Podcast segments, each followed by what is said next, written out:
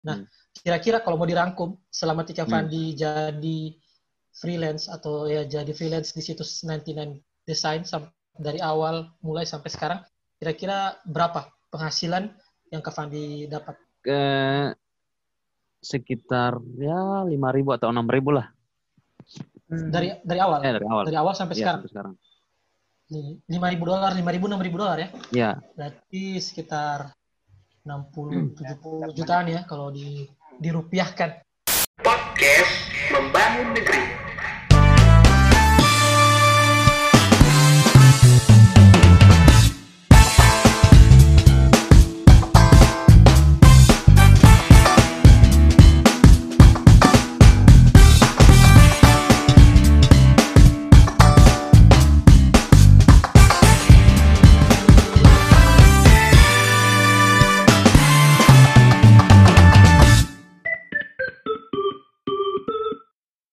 Halo semuanya, selamat datang kembali di podcast Membangun Negeri bersama dengan saya Zai. Dan saya Ai. Ah, absurd. Orang harus kayaknya orang harus cari Ah. apa di ending di belakang itu harus tidak Ah, parah. iya. Harus kayak Absurd parah. apa? Eh, kali ini kita akan ah, eh, kita akan berbicara tentang eh, membahas tentang pengalaman seorang yang kebetulan berhasil mendapatkan 1000 dolar lebih ya sampai saat ini mungkin 1000 dolar lebih di pekerjaannya sebagai seorang freelance designer kurang lebih seperti itu ya Betul. Kurang lebih seperti itu. Uh, supaya tidak berlama-lama lagi, mungkin kita uh, langsung panggil saja. Uh, kita per- suruh perkenalkan diri. Boleh, uh, Kak Fandi, perkenalkan diri sama hobi sama pekerjaan sekarang apa di mana dan di mana. eh, ya, saya Pandi. Eh, cuma pekerjaan ya di bidang desain.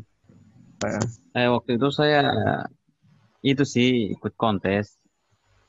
Nah, kebetulan hadiahnya itu 1000 dolar lebih. Nah, saya yang pemenangnya. Sebenarnya saya tertarik di desain, khususnya desain logo itu awalnya cuma senang baca sih, senang baca sejarah-sejarah branding, sejarah-sejarah logo. Nah, kebetulan ada di Hmm. grup-grup Facebook begitu, Ah, tahu dari grup-grup Facebook ternyata ada situs, ada website untuk kontes desain, kontes desain logo. Nah, sampai saat itu saya saya ikut-ikut situ dari tahun 2014 sampai sekarang.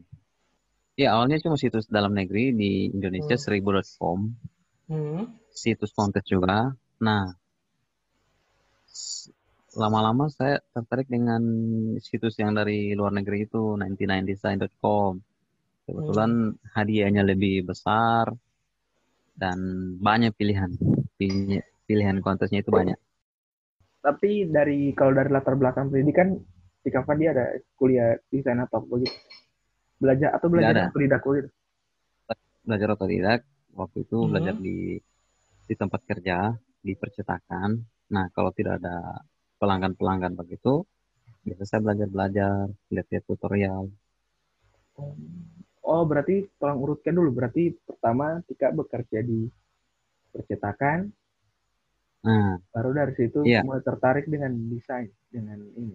Iya awalnya tertarik dengan desain itu gara-gara gara-gara kerja di percetakan itu sih banyak banyak permintaan-permintaan orang orang datang suruh desain ini suruh desain itu nah saya tertarik belajar juga Hmm. Hmm, oh, berarti eh, ki- bisa dibilang eh, Kak Fandi tertarik dengan dunia desain ini gara-gara lingkungan ya? Karena di sekitarnya Iya. Kak Fandi itu orang banyak yang apa dapat desain apa eh, minta ada job-job desain begitu kan? Hmm. tapi ketika cuman sebagai ini sih sebagai karyawan kerja di situ Hmm, bukan langsung ke saya hmm. Hmm. Eh, terus apa apa apa Tika Fandi juga ini kayak apa kayak kayak lihat lihat lihat tutorial di YouTube atau di search search di Google atau mungkin Kak Fandi belajar desain itu cuman langsung dari orang-orang yang terima yang ada dapat job desain begitu atau bagaimana? Oh. Atau mungkin kombinasi dari semuanya itu? eh kadang-kadang saya belajar di YouTube juga. Hmm. Hmm. Kadang-kadang eh langsung sih, langsung langsung apa? Langsung di projectnya itu saya belajar apa? Oh. Jadi kalau yang saya bilang kadang-kadang belajar di YouTube itu tidak ada apa-apa, saya cari-cari cara bikin ini, cara bikin itu. Hmm. Kadang-kadang ada project baru itu yang saya belajarkan. Gitu. Oh, learning by doing ya. Ada kan itu istilahnya. learning by doing. Tidak betul tidak kita masih ngerti itu betul ya? Betul, betul. Aku jadi sekira. Eh, eh, se- sebelumnya ini saya eh, saya masih masih ma- masih kurang apa masih kurang strike ini dia punya latar belakang dan segalanya. Ini Kavan ini kok waktu kerja di percetakan itu kerjanya sebagai sebagai apa? Supaya agak bisa lebih dikonek lah. Ah gini. Nah, awalnya saya bekerja di di percetakan ini sebe- sebenarnya cuma ini eh belum tahu pegang mouse, belum bisa komputer. Cuma Hmm. fotokopi. Oh, fotokopi. Ah, Oh, oke oke oke. Nah, selama di fotokopi itu kan saya juga belajar sama teman-teman yang pegang-pegang komputer itu. Apa? Hmm, Lihat-lihat dulu, Oh. lihat hmm. berarti kan oh ternyata bikin pas foto begini bikin cover buku begini nah Hmm. se- mungkin setelah setelah enam bulan saya di fotokopi ada teman yang di yang operator komputer itu keluar Hmm. nah saya malah duduk di situ di tempat kosong itu belajar belajar nah Ya. baru ada teman secara ada teman. Iya, ada teman yang di situ juga yang di di operator komputer juga. Dia merekomendasikan, gak usah cari orang Jo, kenapa Tefandi so tahu ini? Hmm. Ah, Iya, Tef. Daripada baca itu butuh biaya lagi baca cari orang ini yang ada juga. Eh, iya, karena ada bos punya bos itu ada pertimbangan kalau mungkin kalau mau dapat cuman mahasiswa kan. Kalau mahasiswa lagi tambah gitu waktu mau Iya, kuliah dengan waktu. Hmm. kerja. oh. Kalau saya kan langsung Nah, apa Hmm. tidak ada tidak ada bagi bagi nah waktunya nah dari situ dari semenjak di komputer situ saya mulai kenal Corel kenal Photoshop baru hmm. eh, belajar belajar belajar Corel itu di di grup Corel Indonesia juga di Facebook nah dari situ, Hmm. dari grup Corel itu dari grup Co- Corel yang di Facebook itu saya dapat info ternyata ada situs-situs kontes Hmm. eh, di lain. Nah, awalnya kan- saya kan cuma batas juga, batas, batas kalau saya itu bisa desain atau tidak dengan ikut-ikut eh, kompetisi itu. Hmm. Ternyata saya tes tes terus, saya coba terus, alhamdulillah dapat. Awal Dan apa? pertama dapat itu keterusan sampai sekarang. oh, langsung jadi tertarik ya karena menang Iya. pertama kali. Benar Nah, dan apa oh, yang yang waktu itu waktu, Kak Fandi so apa masuk jadi apa di komputer itu apa ketika Fandi masih Hmm. juga apa bekerja sebagai foto yang menjaga fotokopi atau tidak atau so seorang lain itu Masih oh masih Karena berarti kayak double nih double double kan. Hmm. Eh, yang tidak enak, yang kalau di di fotokopi itu kan cuman ini kan gaji per bulan. Hmm. Nah, kalau di komputer ini ada DP presentasi Oh, sistemnya beda ya. tiga Hmm. persen, empat puluh persen. Jadi yang yang duk apa yang tidak enaknya di fotokopi itu walaupun pendapatan banyak banyak ya tetap begitu gajinya kan. iya Hmm. gaji gaji tetap sama Hmm. Nah, makanya saya coba untuk ke komputer itu.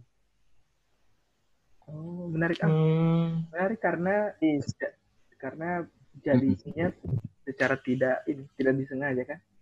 Jadi buat belajar. Iyo, Hmm. itu saja waktu itu tidak tahu pegang mouse, tidak tahu eh, komputer tidak tahu. berarti Cuma tahu Ya, memang tahun. berarti emang from zero ya emang tidak ada pengetahuan maksudnya di teknologi kayak komputer ini kayak masih kosong ya Memang betul-betul. Sedangkan waktu itu bekas saya mati komputer saja pakai di tombol powernya itu di PC itu. Berarti masih apa? Masih masih galap, galap ini terus. Iya galap. Iya. Masih galap. Nah, berarti sing- singkat cerita akhirnya so sekarang Langsung kasih mati di situ. sejadi ini se- apa namanya so semahir lah ya. Nah, Jadi, berarti jadi jadi desainer itu secara ya bisa dibilang mahir lah. tidak tidak disengaja ya? apa, apa- atau atau pernah terlintas begitu kalau waktu masih kecil uh, kayaknya anak pengen jadi desainer atau pengen buat bikin logo atau dan sebagainya Tidak sih, tidak tidak terlintas, tidak pernah terlintas juga. Cuman kayaknya waktu kalau saya ingat-ingat waktu kecil itu waktu SD itu ada ini kan buku atlas, buku atlas. Ah Baru biasanya di Hmm. sampul belakang itu ada di biasanya di sampul belakang buku atlas itu ada bendera-bendera negara. Nah, itu suka gambar-gambar itu bendera-bendera negara itu di buku tulis. oh oh I see oh, Ya, bagus, begitu. warna- Oh, jadi- Iya, nanti mau gambar nanti pas ulang. pas bakal jadi gambar-gambar logo. BIM. baru nanti nanti pas so bakal jadi fotokopi, baru habis itu impian masa dulu yang dulu dulu masih kecil ada Hmm. dapat ulang. Tapi dengan dengan yang lebih bagus lagi sih. So bukan pakai gambar bendera-bendera lagi, so lebih apa? Iya. Naik level lah. Mm-mm. Oke, oke, menarik, menarik, menarik. Jadi ini kayak kayak sebelumnya kayak kayak Kak ini memang bisa bisa dibilang kayak tidak ada ke, apa pemikiran Iya, buat iya. ke sana kayak misalnya orang orang-orang lain kan biasa mau dari SMA atau SMP so ada impian mau jadi desainer. Kalau Kak Fandi kayaknya ini terjadi secara tidak sengaja. Jadi kayak eh, serendipity istilahnya lah, kebetulan. Iya. Nice, nice, nice. Belum belum ada belum tidak tahu itu tidak dapat tahu itu apa itu desain kan eh dari kampung juga kan. Jadi di kampung tidak ada tidak ada orang lah yang begitu-begitu. tidak ada yang tahu Photoshop ya Kalau kayak di mungkin kalau kayak di Jogja atau di Bandung setahu dapat tahu itu. Oh iya, Jog Jogja biar biar le kampung tapi so ini so maju dorang, dorang di Jawa toh. iya So ada. Hmm. Eh, sih sih. Eh, mungkin ini ini kapan dia Pak mau coba terang mau balik lagi ke DP topik ini tentang bagaimana Kavandi bisa dapat 1000 dolar dari desain. Nah, eh, ini kan waktu itu kan Kavandi eh, cerita bahwa Kavandi kerja di sebagai apa? fotokopi, orang yang sering apa bawa fotokopi. Terus eh, tiba-tiba karena apa? kekurangan pegawai atau pegawai yang ini so tidak bekerja lagi, so Kavandi yang di situ kerja double. Hmm. Nah, dan sekarang kan Kak Fandi pekerjaannya sekarang kan sebagai desainer dan desainer eh, tetap kan eh, di salah satu perusahaan apa bisa dibilang bisnis di Kota Gorontalo. Eh, Iya. Kapan Kak Fandi apa eh, memutuskan untuk full time full time di desain? Kapan itu Hmm. dan eh, apa apa Ya, apa nah. yang yang apa yang memicu memicu Kak Fandi sampai memutuskan untuk mending kita full time di sini daripada mau fotokopi fotokopi Oh, iya. lagi. eh, waktu itu sih saya saya itu ada ada pikiran kayak pemikiran tentang itu kalau kalau saya itu kayaknya tidak ada kerja lain tau Mhm. tidak mau dapat kerja lain. Oh. Karena kan ya ada jasa. Tapi alhamdulillah juga sih kalau kalau mungkin karena di progres juga kan bosan di apa di tempat fotokopi itu bosan. Mungkin kalau ada ijazah lalu mungkin kalau kayak suka kerja di finance atau di mana tahu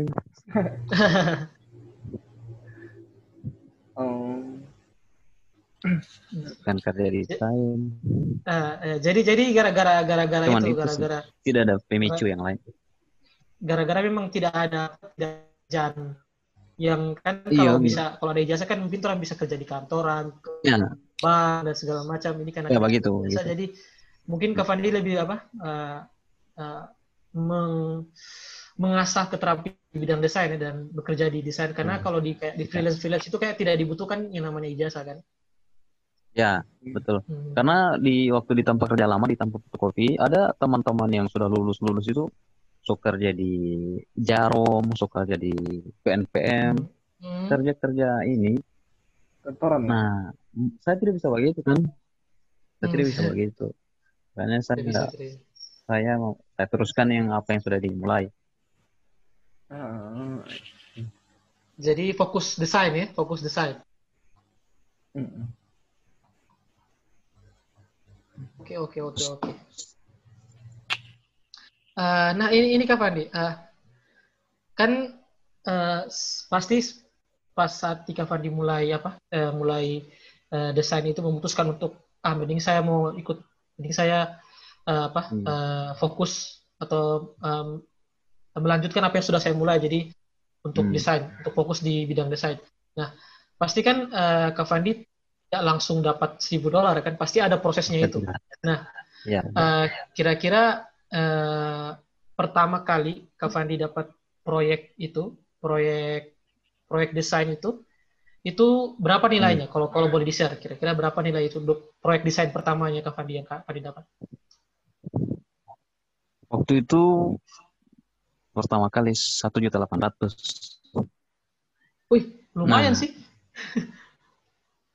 Iya, Kali itu ya? Eh, Ih, basar sih, kita rasa Iya. basar itu, Sup. iya pertama kali itu. Hmm. Waktu itu kayak ini, kayak eh saya punya teman bilang itu waktu itu kayak dia terima masuk polisi, langsung apa? Langsung panggil teman-teman makan, traktir traktir. Karena kan eh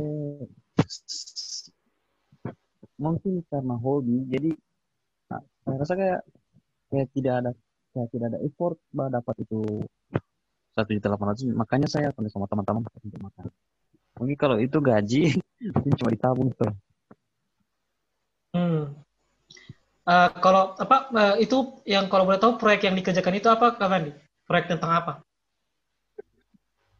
cuma ini logo Oh, logo.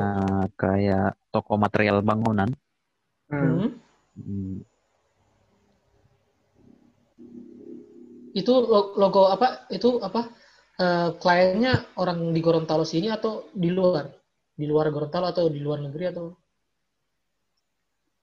di Jawa Oh, di Jawa. Hmm. Hmm. orang Jawa Jadi lewat Iya. lewat dapat ininya lewat seribu lenser itu. Projectnya dapat dari. iya seribu Hmm. lewat situ lewat seribu Oh, jadi, jadi lewat lewat ini lewat situs standar. situs freelance ya? iya Ah, jadi di, mau mau kasih urut dulu ke Fandi ya. Jadi Kak Fandi bilang kan Kak Fandi habis dari dari apa fotokopi baru so, belajar desain itu dari teman-teman baru juga di Facebook gabung di grup apa Corel. Corel Indonesia dan bla bla bla. Nah, Ya. dari apa?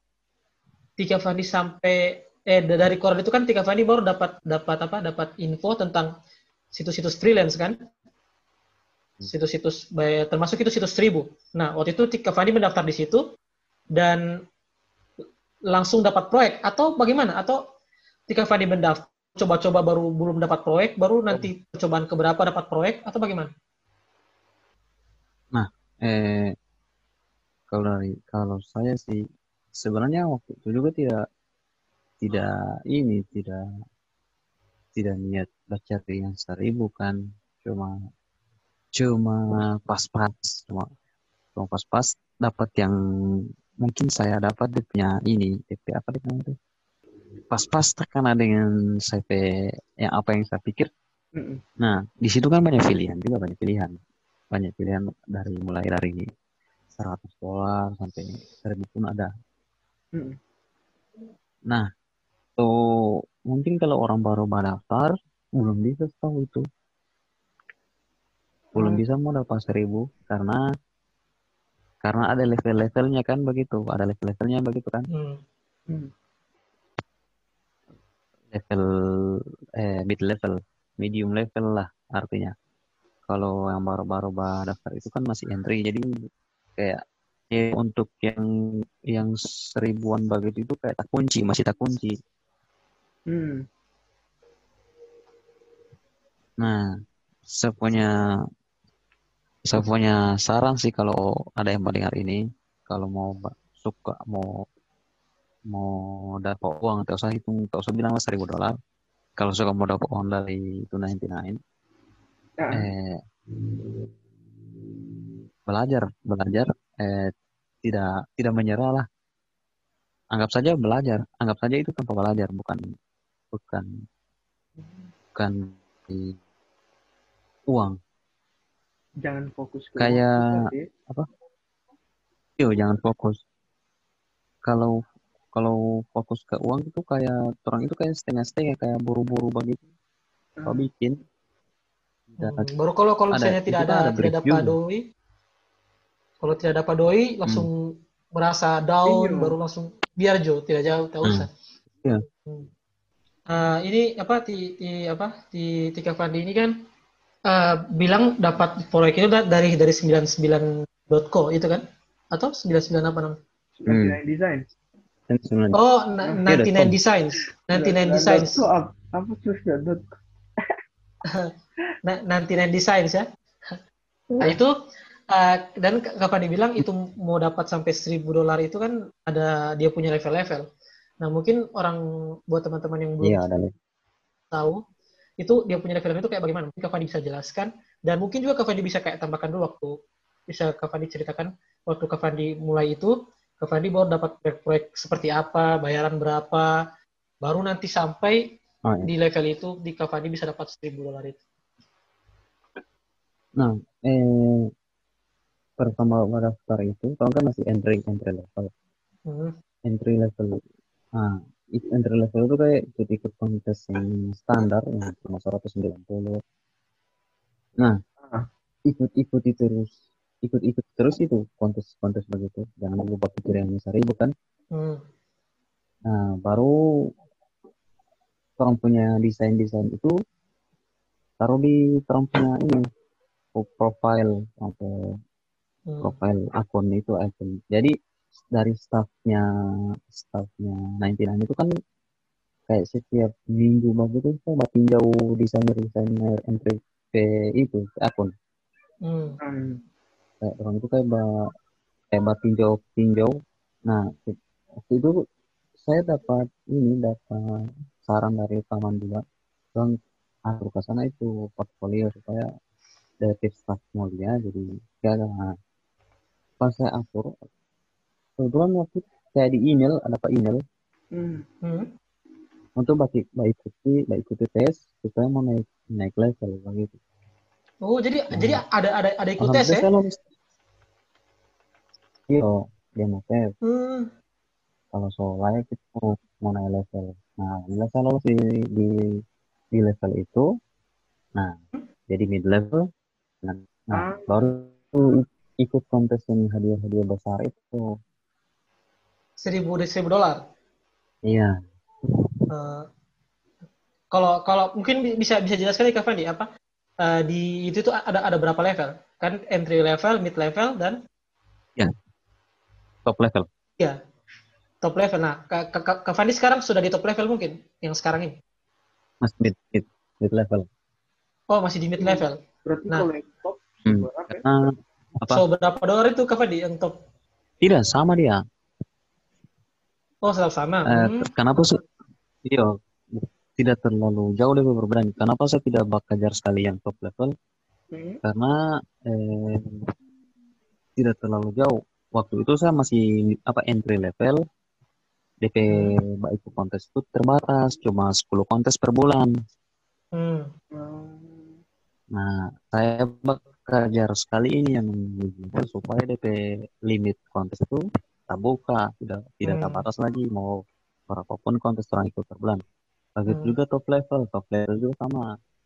Nah, bedanya cuma top level itu bisa buka servis. Oh, bisa buka servis kayak sendiri. open shop begitu di situ. Oh, I see, I see, Ya. I see. Nah, Jadi kayak Fiverr begitu ya? cuma itu DP beda. Hmm. Hmm. Iya.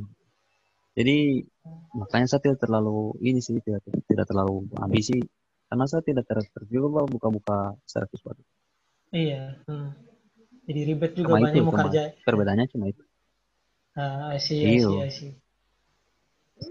Ah, tadi waktu waktu, waktu di entry itu eh, kan dia ikut apa kontes hak limit cuma berapa 10 kontes per bulan nah itu per Iya. kontes biasanya range apa range salary atau range komisi Heeh. Untuk entry level itu berapa biar teman-teman punya gambaran Eh, nah, kontesnya lagi ada paketnya, ada paket ada paket silver dan gold. Hmm. Nah, yang entry tidak bisa ikut itu eh paket gold yang 400 ke atas.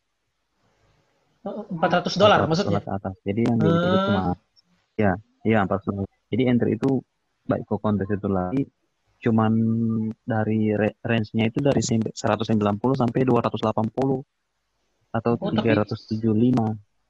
Hmm. Ah. Tapi lumayan sih, maksudnya apa kontesnya langsung Iya, langsung sampai 100 190 dolar kan? Mm-mm. iya lumayan.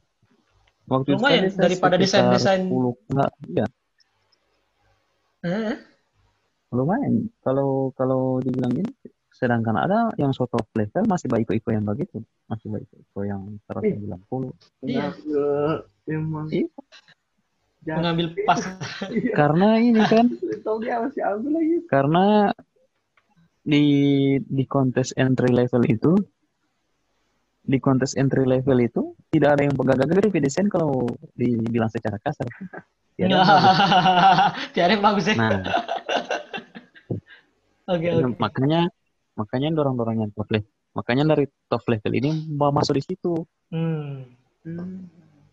DPP luang agak besar.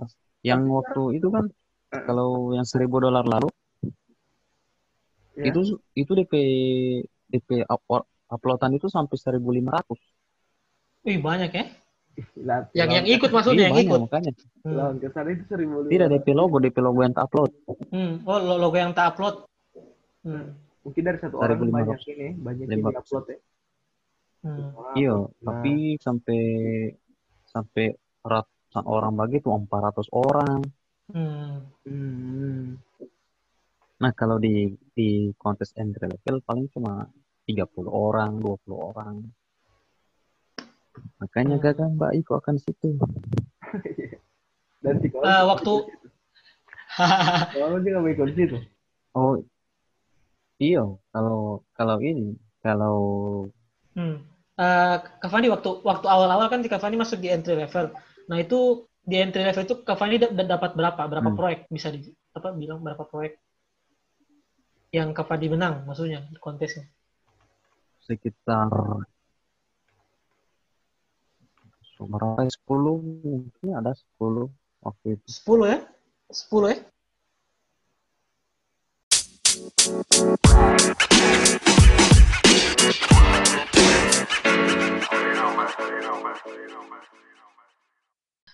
eh, sekarang kita sudah berada di sisi kedua. Eh, sebelumnya di sisi pertama kita sempat ngobrol-ngobrol dengan Kak Fandi, apa membahas tentang pengalamannya Kak Fandi dari awal bekerja sebagai eh, orang apa di, di fotokopi, kemudian karena satu dan lain hal, kemudian apa sem- apa nyemplung di dunia desain sampai belajar-belajar di grup desain Corel, Indo Corel, Corel Indonesia, terus sampai akhirnya dapat dapat apa? Dapat proyek di 99 Design, menang kontes dengan hadiah sekitar apa? 1000 dolar. Nah, eh, intinya banyak yang kita eh, bicarakan tadi di sisi pertama. Nah, di sisi, di sisi kedua ini mungkin saya mau tanya ke Kak Fandi tentang eh, eh, kira-kira bagi para freelancer di sana yang baru memulai, eh, apa sih eh, rekomendasi-rekomendasi website atau situs-situs freelancer yang mungkin tidak hanya untuk desain tapi untuk pekerjaan-pekerjaan lain yang mungkin bisa bisa apa yang di- direkomendasikan kira-kira apa untuk para teman-teman di luar sana. Eh cuma situsnya atau bagaimana? Situsnya situs. Oh situs. Sebenarnya banyak sih banyak. Mm-mm. Eh, eh baru apa? Dan masing-masing juga ada kekurangan ada kelebihan.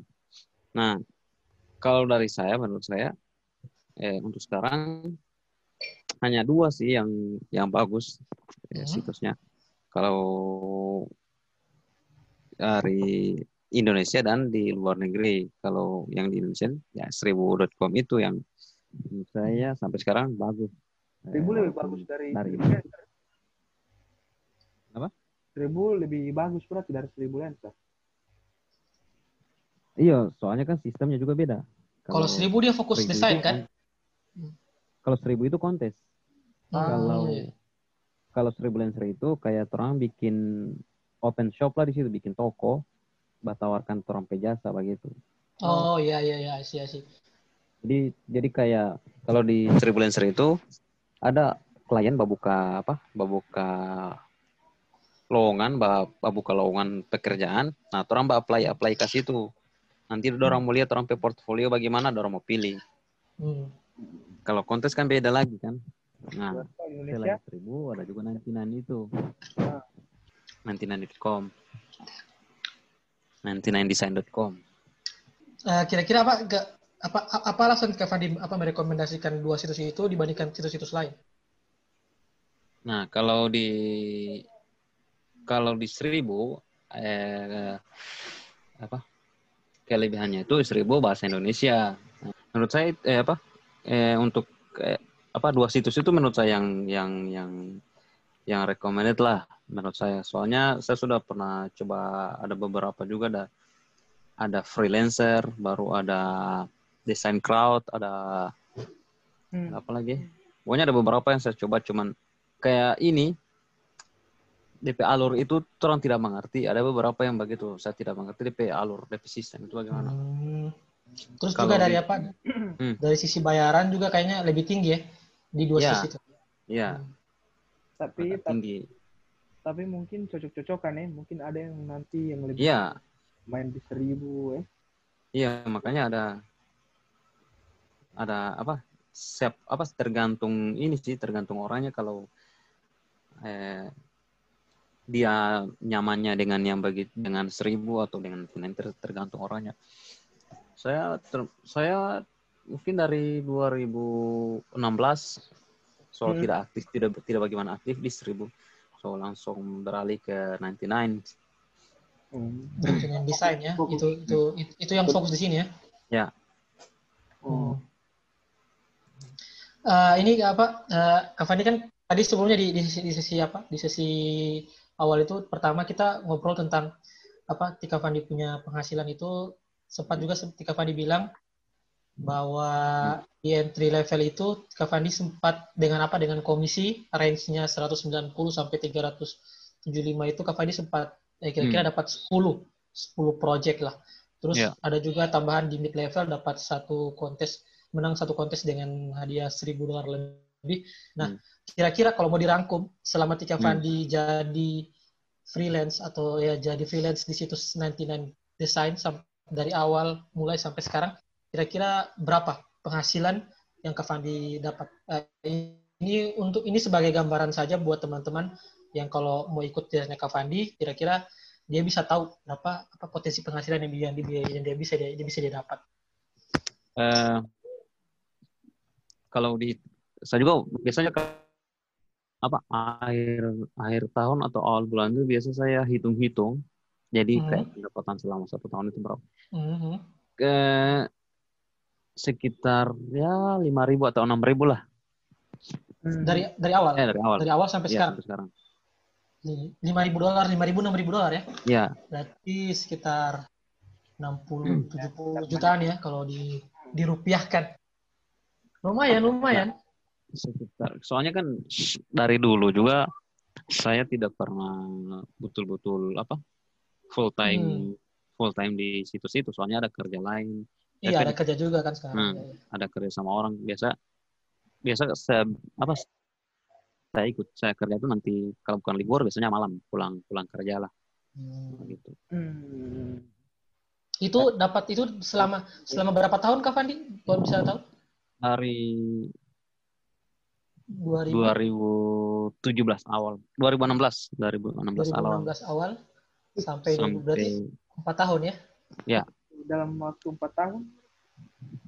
Dalam waktu 4 tahun iya dapat tapi penghasilan 60 70 juta dan itu hanya hanya apa? Hanya intinya penghasilan tambahan bukan iya dan apa itu pun tidak utama kan? Lumayan sih menurut Nah. kita.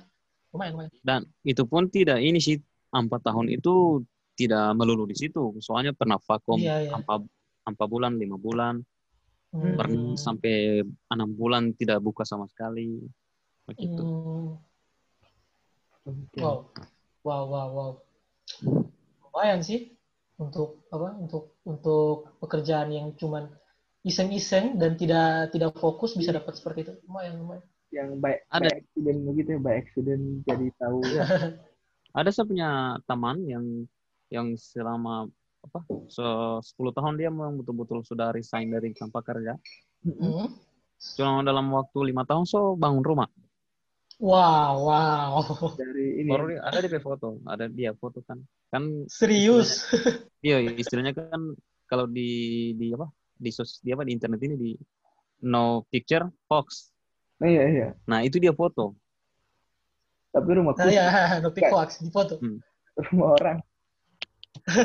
Tahu ternyata rumah rumah putih sih dua tujuh ratus ribu itu sih. tidak rumah orang ini rumah orang. Lima Eh, lima dia bilang itu dia bilang cuma jangka lima tahun sih dan iya tidak bisa Lima menurut saya tahun dapat rumah orang- ya. Iya, iya.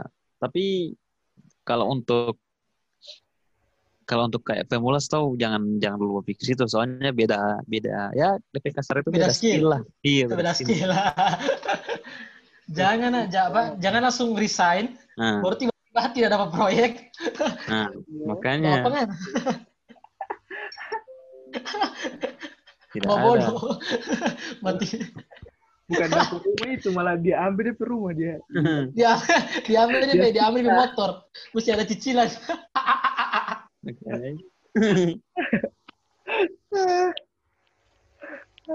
Oke oke Dan dia eh kalau Oke, oke, menarik, menarik.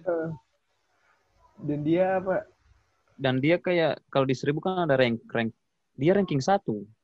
oh, Oh, iya, aja dan dia main, main di seribu ya makanya tadi ada Main stri- dia main seribu dengan 99.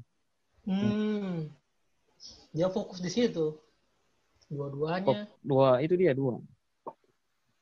berarti bisa bro bisa maksudnya bisa bisa orang yang cuma freelance sebagai desainer bisa Bisa. bisa punya Iya, peluang bi- bisa juga artinya. Artinya uh, buat teman-teman mungkin yang mendengar jadi pekerjaan itu tidak tidak selamanya hanya apa kantoran atau Oh, profesional. Artinya untuk di zaman sekarang ini untuk pekerjaan-pekerjaan seperti freelance juga itu lumayan menjanjikan asalkan ya tetap diseriusi juga. Jangan macam tadi. Jangan langsung apa uh, resign baru belum belum ada skill belum ada skill resign Mm-mm. it's a stupid decision Tidak. Tapi Intinya harus. menurut saya eh tidak apa juga sambil jangan langsung resign juga. Tidak iya apa juga sambil kerja iya hmm, sambil sambil bekerja sambil ikut-ikut juga. Hmm. yang penting tahu men- inilah mengatur waktu ya tahu batur waktu Iya, penting tak Iya. tahu tahu mengatur waktu. Oh, waktulah. Jangan Nah, eh, ini ini kapan ya Pak Eh, berbicara tentang mengatur waktu. Ini kan saya juga kebetulan eh, sama dengan Tika Fandi sebagai freelance, Hmm. tapi saya bukan freelance di dunia desain, tapi lebih ke dunia Pak digital marketing, Oh iya ya. dunia tulis menulis dan lain-lain. Nah, dan itu apa? Ya. Salah satu salah satu masalah saya itu kalau kalau Ya. freelance itu itu masalahnya itu kan beda dengan kerja kantoran. Jadi kalau kayak kerja kantoran orang harus bangun jam apa? Bangun pagi-pagi, terus eh, kerja 8 Ya, jam. Jadi kayak terstruktur. Nah, kalau freelance itu kayak harus orang sendiri yang menstruktur orang punya diri. Jadi kayak hmm. sulit. Sedangkan eh, itu yang yang saya alami itu kayak sulit sekali untuk mengatur waktu dan biasanya itu kalau kalau mau apa mau ada dapat proyek biasanya tuh saya itu punya kecenderungan untuk mengerjakan proyek itu pas mau dekat-dekat deadline. Nah ini ba- oh, sebagai semalam sesama ya ke semalam ya. freelancer menurut apa? Menurut menurut menurut Kak Fandi itu kira-kira apa pesan atau mungkin saran buat saya dan mungkin teman-teman freelancer di sana untuk bisa tahu mengatur waktu untuk bisa menganggap bahwa freelance itu juga sebagai sebuah pekerjaan yang serius yang profesional kira-kira apa sarannya Kak Fandi tips-tipsnya juga. Atau mungkin bagaimana dari Tika mengatur waktu apalagi Tika sekarang berkeluarga kan? Orang yang hmm, iya apalagi kalau berkeluarga aduh. Aduh ini. Eh, lebih sulit lagi tuh mengatur waktu. Kalau saya kadang saya tentukan saya tentukan waktu sih. Eh, Mhm. sekitar jam 9, jam 9 malam sampai paling lambat itu jam 12 lah jam. Cuman dari situ dari jam 9 tuh sampai sampai begitu terus. Jadi eh, eh, kalau saya buka-buka jadi tidak bekerja cuma buka-buka begitu bisa kapan saja sih kalau dari saya saya dari saya punya apa yang saya kerjakan ini mungkin beda dengan freelance lain dan Hmm. yang tidak sama dengan saya gitu Jadi tetap apa? Tentukan DP waktu ya, diatur dulu Iya. DP waktu kapan itu mau buka-buka. hmm. Berarti kamu bekerja itu di jam-jam 9, jam-jam waktu istirahat. ya jam-jam begitu Tapi emang harus ada yang di ini apa? Di apa namanya? Di di lah di dikorbankan begitu ya. Waktu istirahat harus dikorbankan sedikit. ya begitu so tapi menurut saya ini sih tidak tidak berkorban juga sih kalau saya ya kalau dari Ya karena nanti kapan disuka pekerjaan ini toh. soalnya ini juga kalau song song bag- song apa juga itu jam 9 saya tidak tahu Oh, apa tidak mau tidur. Iyo jadi Hmm. itu Kayak- itu saya. kayak mem- kayak menghabiskan waktu begitu ya sebagian dari nah iya tunggu tunggu. Habis habiskan waktu. Nah, itu berarti berupa produktif juga ya produktif juga kita menghabiskan waktu produktif padahal menghabiskan waktu. Iya. Tapi kadang-kadang eh cuma habis di YouTube juga itu jam-jam begitu sampai sebelum tidur. Tergantung ini lah ya lagi mood ya kalau lagi mood. Tergantung. Ah, Hmm, oke oke oke. Iya sih kalau kalau anak orang memang begitu. Paling susah itu memang mengatur waktu Am. Apalagi banyak orang yang banyak ini banyak minat. Maksudnya dia dia suka banyak hal yang dia suka. Jadi kayak susah. Kapan harus bikin ini kapan tiba-tiba suka yang ini tuh. Itu yang- Tiba-tiba ada sesuatu yang baru baru. iya satu yang baru ini kayak kayak jadi kayak harus tak ikut ke sana. Cuma kita punya maka cuma cuma dapat lihat klip klip trailer begitu di YouTube so tiba-tiba langsung suka nonton apa Semua nonton baru paling semua ada paling yang lain-lain. iya oke lah Ekstrim, iya, distract, distract dan segala. terlalu ekstrim deh Pak. anak-anak muda sekarang gitu. oke lah berarti Tapi- itu deh Pak. eh kalau yang saya kadang saya terapkan juga sih biasanya ini eh di waktu kerja itu biasa kayak saya tentukan umpamanya oh jarum panjang di 10 saya mau pegang HP Hmm. nah Hmm. pas pegang HP itu kayak oh jarum panjang di dua saya melepas HP begitu Oh, I see, I see. supaya ini jadi di waktu bekerja itu tidak mau apa tidak tetap pegang HP dan waktu pegang HP itu jangan main ini kerja gitu tapi ya kadang-kadang tidak ini berhasil oleh ganggu. Hmm. Kadang-kadang berhasil kadang-kadang ganggu. Kadang-kadang tidak. tergantung Ini, apa ah, yang lagi muncul di Instagram itu iya kalau ada yang mungkin ada skandal skandal ya bisa ada gosip-gosip apalagi mau baca-baca komen aduh Iya. Jadi mungkin apa ya saran sarannya ke Fadi ini mungkin kayak ini kayak ah, ini kayak relate dengan yang anak, anak pernah dengar, anak pernah baca juga tentang Elon Musk. Itu dia kalau kalau buat Twitter itu biasa dia cuma butuh waktu kayak 5 menit. Jadi kalau dia mbak buka Twitter, dia kasih waktu maksimal 5 menit. Jadi habis 5 menit sudah sudah tidak mau. Jadi dia kayak cuma buat tweet, bawa baca komen, habis 5 menit sudah selesai. nah hmm. iya saya juga Begitu kayak sih. nonton YouTube juga begitu kayak kasih habis satu video 10 menit sudah Hmm. Tapi kadang-kadang kadang susah, susah. Biasa itu susah. susah biasa itu kelemahan di kita lah satu episode lagi ah baru habis itu Satu episode lagi, ya, betul. Begitu juga kalau mau nonton drama Korea, satu episode ah sampai tiga episode terus terus. tamat oke lah Oh, iya, iya. terus di penghujung ini eh kayaknya sudah di Eh, penghujung penghujung, episode kali ini penghujung episode podcast kali ini. eh, mungkin apa ini apa pesan-pesan buat teman-teman yang mungkin mendengarkan podcast ini yang mungkin ingin mengikuti jejaknya Kak Fandi eh, di dunia desain dan lain-lain atau eh, biar bisa dapat tips-tips biar bisa dapat seribu dolar dan lain-lain itu mungkin apa dari Kak Fandi? Kalau saya sih dari kalau dari saya eh,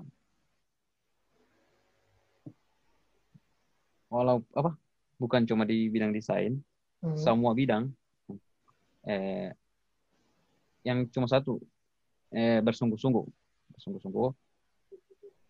Dan biasanya kalau cuma bersungguh-sungguh saja tidak cukup, harus ada goalsnya.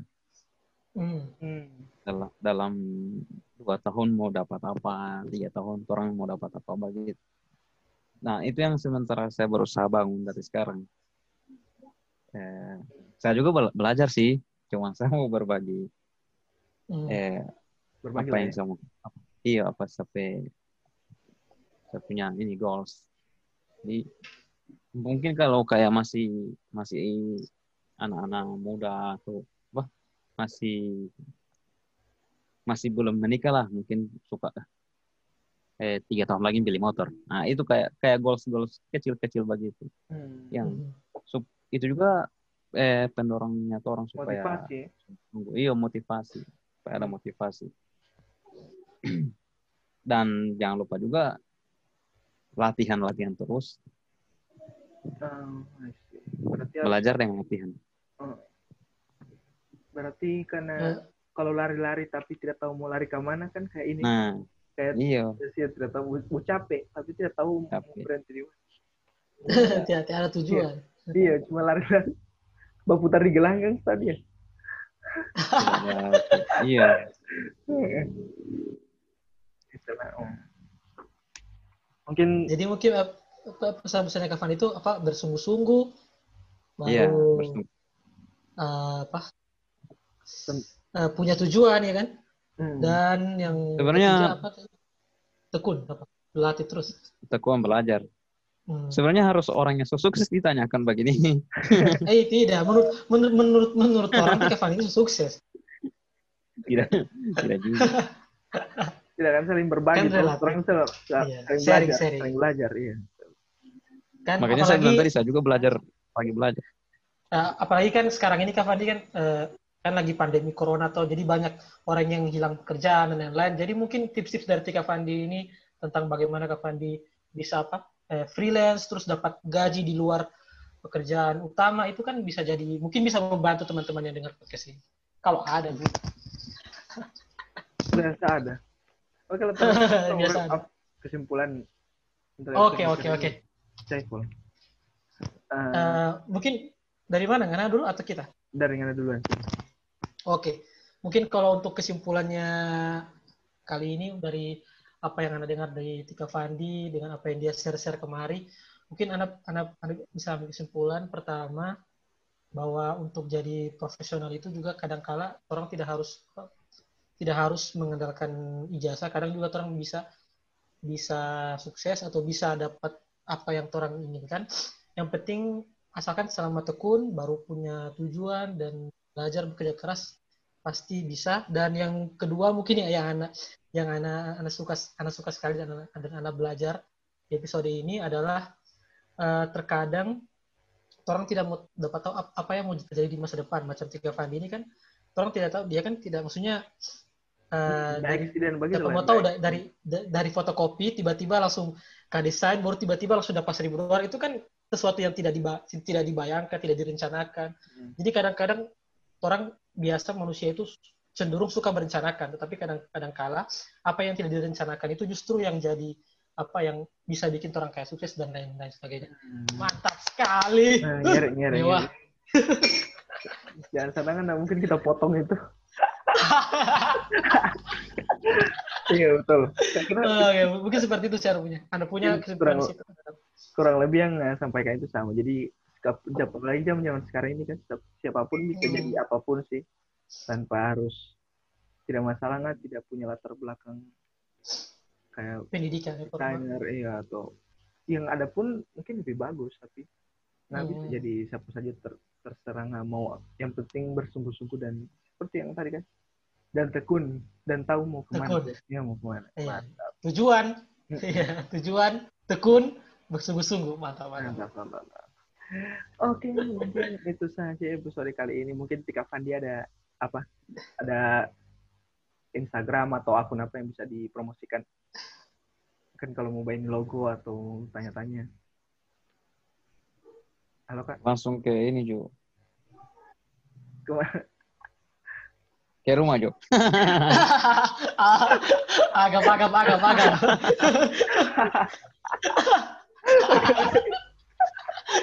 Mungkin boleh sharing alamat, alamat. Halo. Mungkin Instagram Mungkin apa ya? Kak, IG Iya, Jo, Instagram. langsung IG. iya. Heeh. IG Instagram di apa? At- Di- Instagram, Instagram apa? di at apa? Oh, Pandi Ajis. Pandi Ajis. F Cuma gitu A aja, N Fandi. D I A Z I S T. Tidak tahu ya? saya pakai T. Pakai S Jo S. Oh, oh istilah T. Oh, F Fandi Aji. Oh. Eh, Kak Fandi juga kan sekarang apa? Buka ini ya, buka buka buka jasa itu ya, jasa logo kan ya? Iya. Ada yang berpesan logo negara kan? Terus tetap logo negara. Siapa tahu? Siapa tahu? Siapa siapa tahu ya tuh ada pemberontakan begitu. negara. Ada kudeta-kudeta.